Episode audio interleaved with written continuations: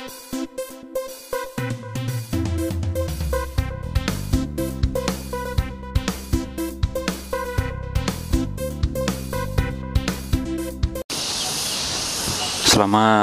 pagi.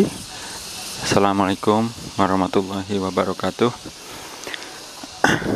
Uh, Yang akan saya sampaikan ini Akan terkait dengan masalah mencari gap research ya, Atau research gap Awalnya ini akan saya sampaikan dalam bentuk uh, telegram kuliah telegram ya. Awalnya begitu tapi ternyata waktu dan beberapa hal teknis lainnya belum memungkinkan. Sementara saat ini saya sedang banyak waktu untuk jalan kaki. Dan menurut saya inilah waktu yang tepat begitu jadi mohon maaf kalau ada perubahan modus penyampaian pesan oke uh, jadi intinya begini ibu dan bapak itu melakukan riset itu tujuannya apa? Mungkin banyak ada yang bilang ingin menyelesaikan masalah, gitu. ada yang bilang e, menurut saya penelitian seperti itu belum banyak dilakukan, pak. Tuh. Atau C, ya saya ingin terkenal saja, jadi sebaiknya jangan yang C lah karena kalau hanya ingin terkenal anda berbuat sesuatu yang aneh terus direkam masuk YouTube itu juga sudah akan terkenal. Jadi pilihannya itu kalau nggak A ya B. Nah, untuk pilihan A maupun B, ibu dan bapak itu tetap diminta untuk bisa menyampaikan apakah benar riset yang akan dilakukan itu uh, memang belum pernah ada yang meneliti atau sangat sedikit yang meneliti atau masih menjadi masalah sampai sekarang. Nah, untuk itu, uh, untuk itu, Bapak Ibu perlu mencari informasi. Nah, informasi yang sekarang ini tersedia itu macam-macam bisa uh, ada di kepala seseorang gitu. bisa ada di sekitar kita ya di alam ya atau online nah tiga-tiganya ini harus dilakukan ya. contoh misalnya. Untuk yang informasi yang ada di kepala seseorang ya. Cara yang biasa dilakukan mungkin melakukan FGD begitu. Rapat terbatas begitu. Atau komunikasi lisan saja. Jadi komunikasi lisan berdua kemudian ibu dan bapak uh, bertanya mengenai sesuatu masalah apa yang ada di kepala para responden ini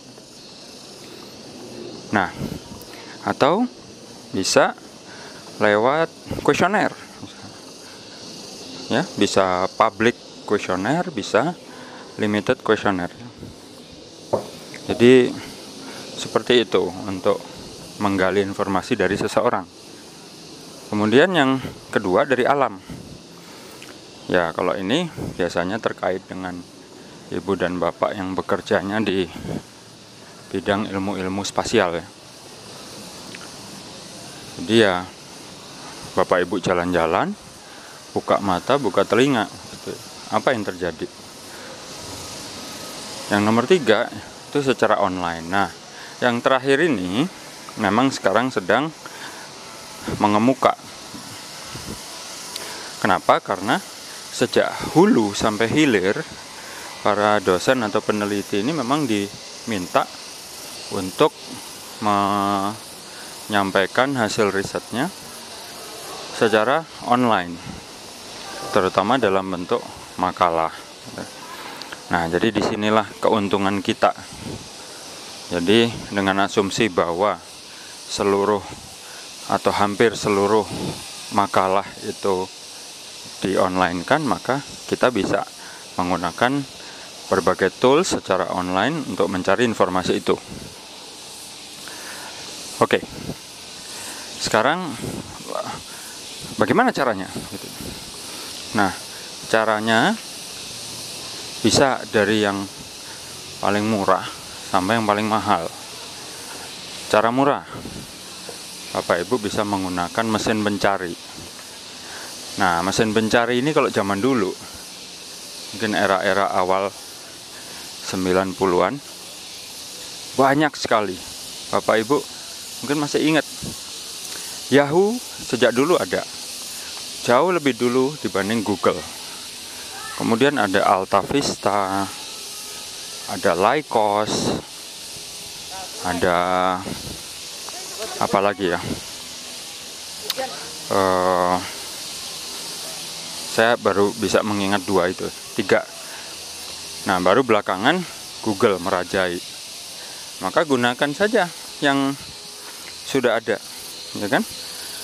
Kita pakai Google baik Google yang reguler maupun Google Scholar. Nah, dari situ Bapak Ibu bisa mencari informasi kalau dengan Google biasa kan berita-berita di koran, di TV itu akan muncul.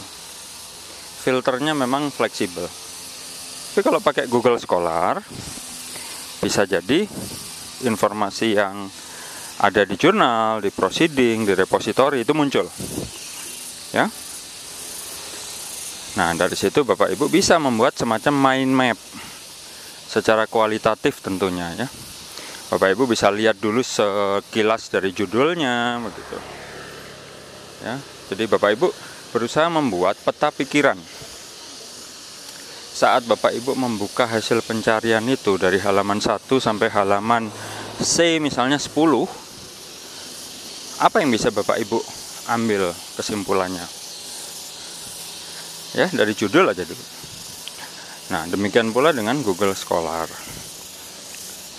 oke nah setelah itu tentunya Ibu dan Bapak mulai ini ke arah yang lebih detail ya.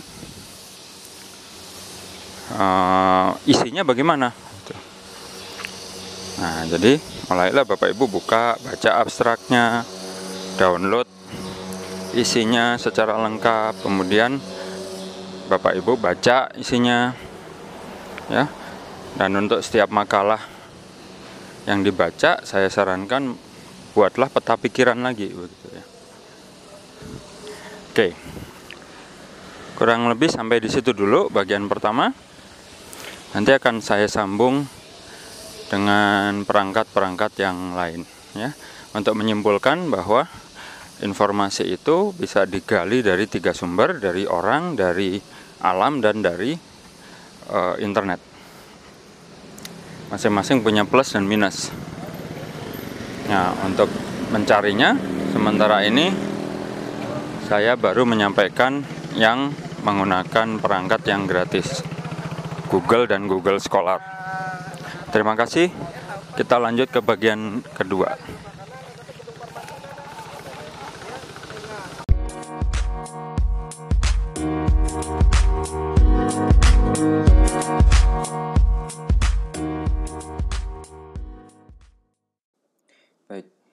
Dan Bapak, dalam bagian yang pertama saya sudah sampaikan cara mencari informasi menggunakan uh, mesin pencari yang gratis dalam hal ini Google atau Google Scholar.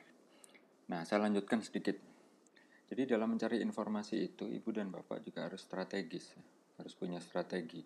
Jadi uh, dalam mengetik kata pencari ya, kata kunci itu harus setidaknya mengandung tiga hal. Yang pertama lokasi, yang kedua metode, yang ketiga, masalah atau hasil yang yang ibu dan bapak harapkan akan muncul. Ya, kenapa ini penting? Karena lokasi itu akan menunjukkan uh, interest ibu dan bapak di daerah mana. Misalnya bapak ibu ingin meneliti masalah diare di Surabaya, maka kata kunci Surabayanya harus muncul, ya kan? Diarenya harus muncul. Yang kedua, uh, yang berikutnya adalah tekniknya atau metodenya harus muncul. Misalnya riset kualitatif diare Surabaya. Nah, kurang lebih seperti itu uh, cara untuk mencari informasinya. Jadi saya ulang lagi, yang pertama lokasi, kedua uh, metode, ketiga hasil atau masalah yang diharapkan akan muncul. Nah, sekarang bergeser lagi ke arah mesin pencari yang uh, mahal.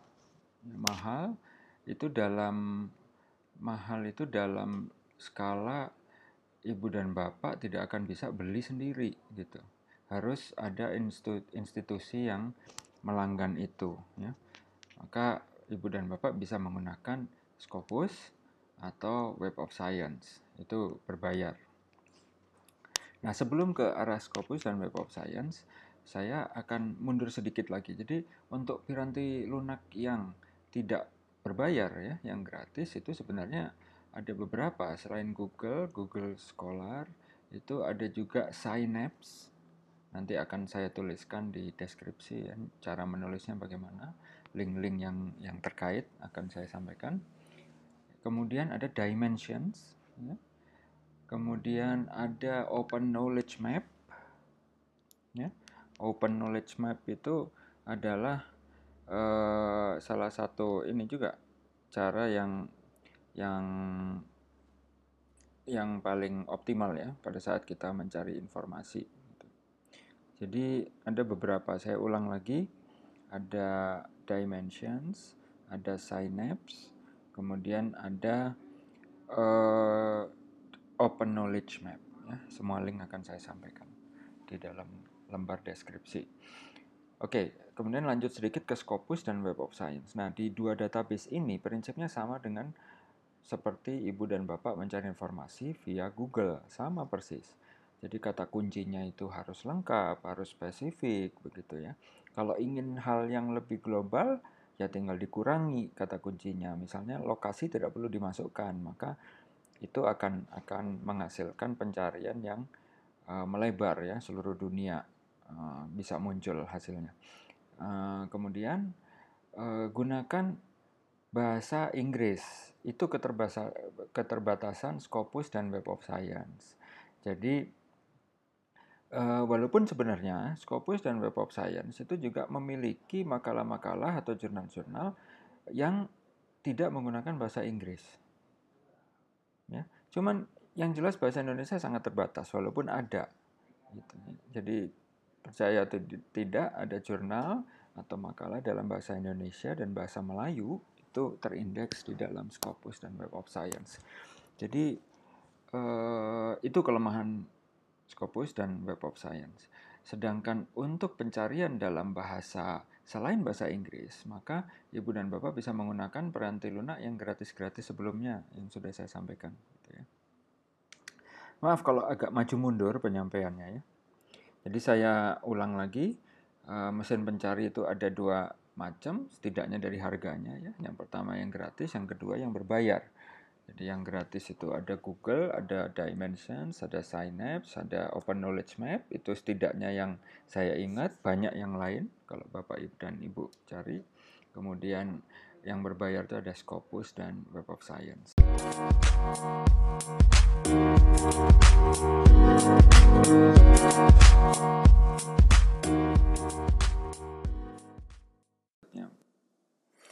Nah, sedikit mengenai peta pikirannya. Peta pikiran itu tidak ada rumusnya menurut saya. Ibu bapak bisa googling sendiri di YouTube tuh banyak sekali juga eh, orang-orang uh, yang membagikan bagaimana cara mereka membuat catatan.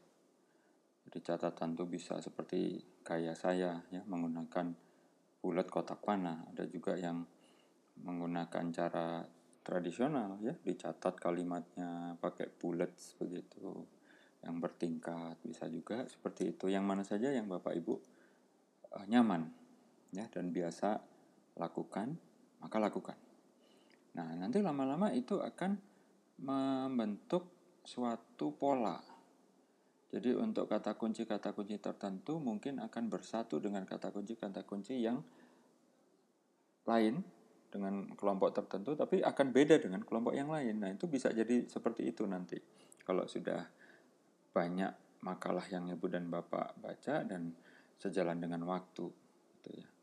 Dan untuk contoh mind map sendiri Ibu dan Bapak bisa uh, mampir ke akun Flickr saya. Nanti saya tulis juga di deskripsi beberapa contoh yang biasa saya lakukan ya. Tidak harus dicontoh persis, tidak juga, tapi Bapak Ibu silakan adaptasi saja gitu ya. Tidak semua orang bisa disamakan.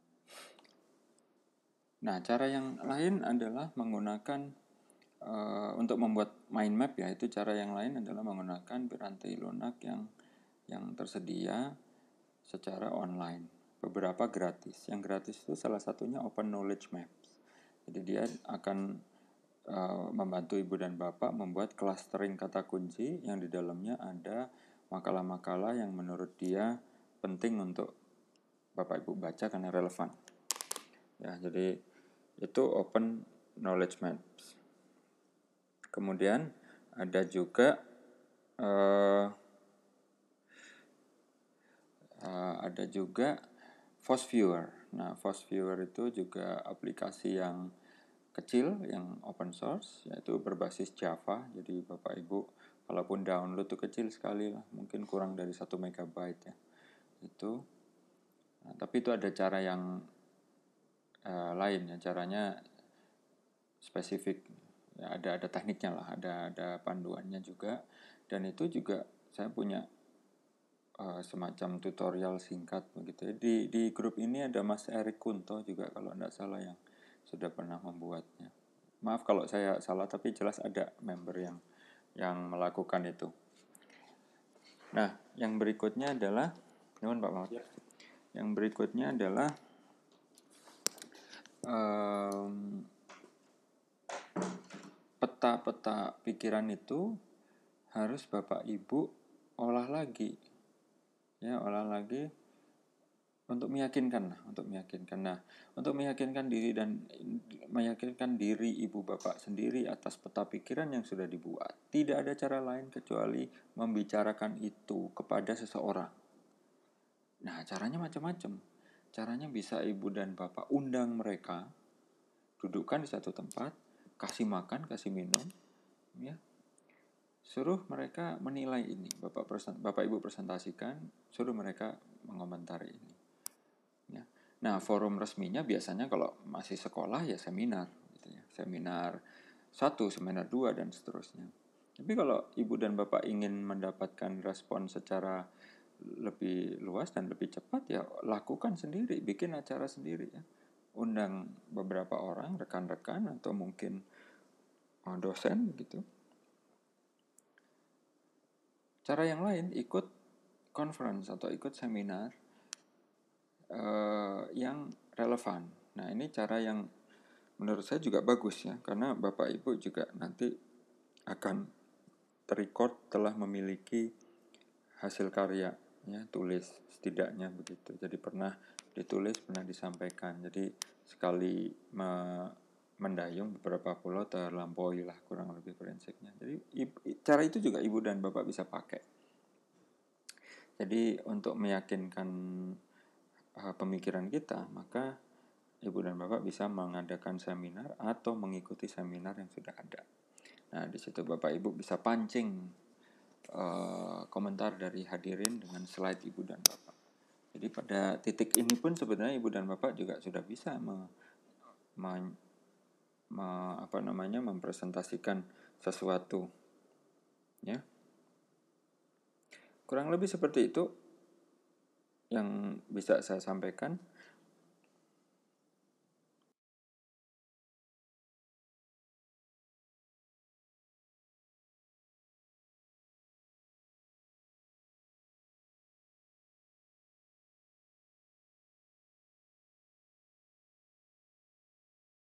Sampaikan.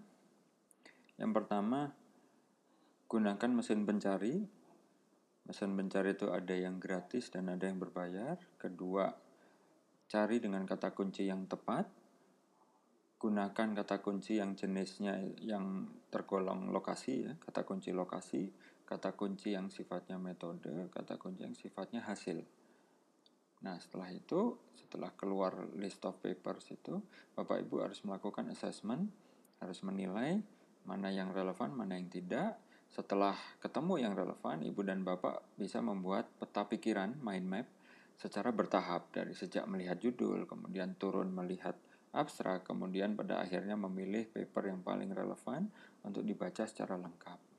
Nah, setelah itu tes pemikiran atau peta pikiran ibu dan bapak itu Eh, dengan cara mengundang orang bicara dengan seseorang atau sekelompok orang misalnya dengan mengadakan seminar atau mengikuti seminar atau misalnya ibu dan bapak melakukan semacam seminar online YouTube live atau Facebook live atau Twitter live siapa tahu ada yang nonton tapi setidaknya kalaupun tidak ada yang nonton setidaknya kan itu terarsipkan video itu dan suatu saat bapak ibu tetap bisa mau menyebarkan linknya gitu. Jadi kurang lebih seperti itu uh, yang bisa saya resumekan untuk materi singkat ini yang berjudul bagaimana mengidentifikasi celah research atau research gap. Terima kasih sudah uh, mendengarkan. Semoga ini bermanfaat. Saya tahu pasti tidak lengkap, tapi kalau ada yang ingin ditanyakan bisa ditanyakan di forum atau bisa langsung lewat surel saya dasapta erwin 3 at gmail.com selamat siang. Assalamualaikum warahmatullahi wabarakatuh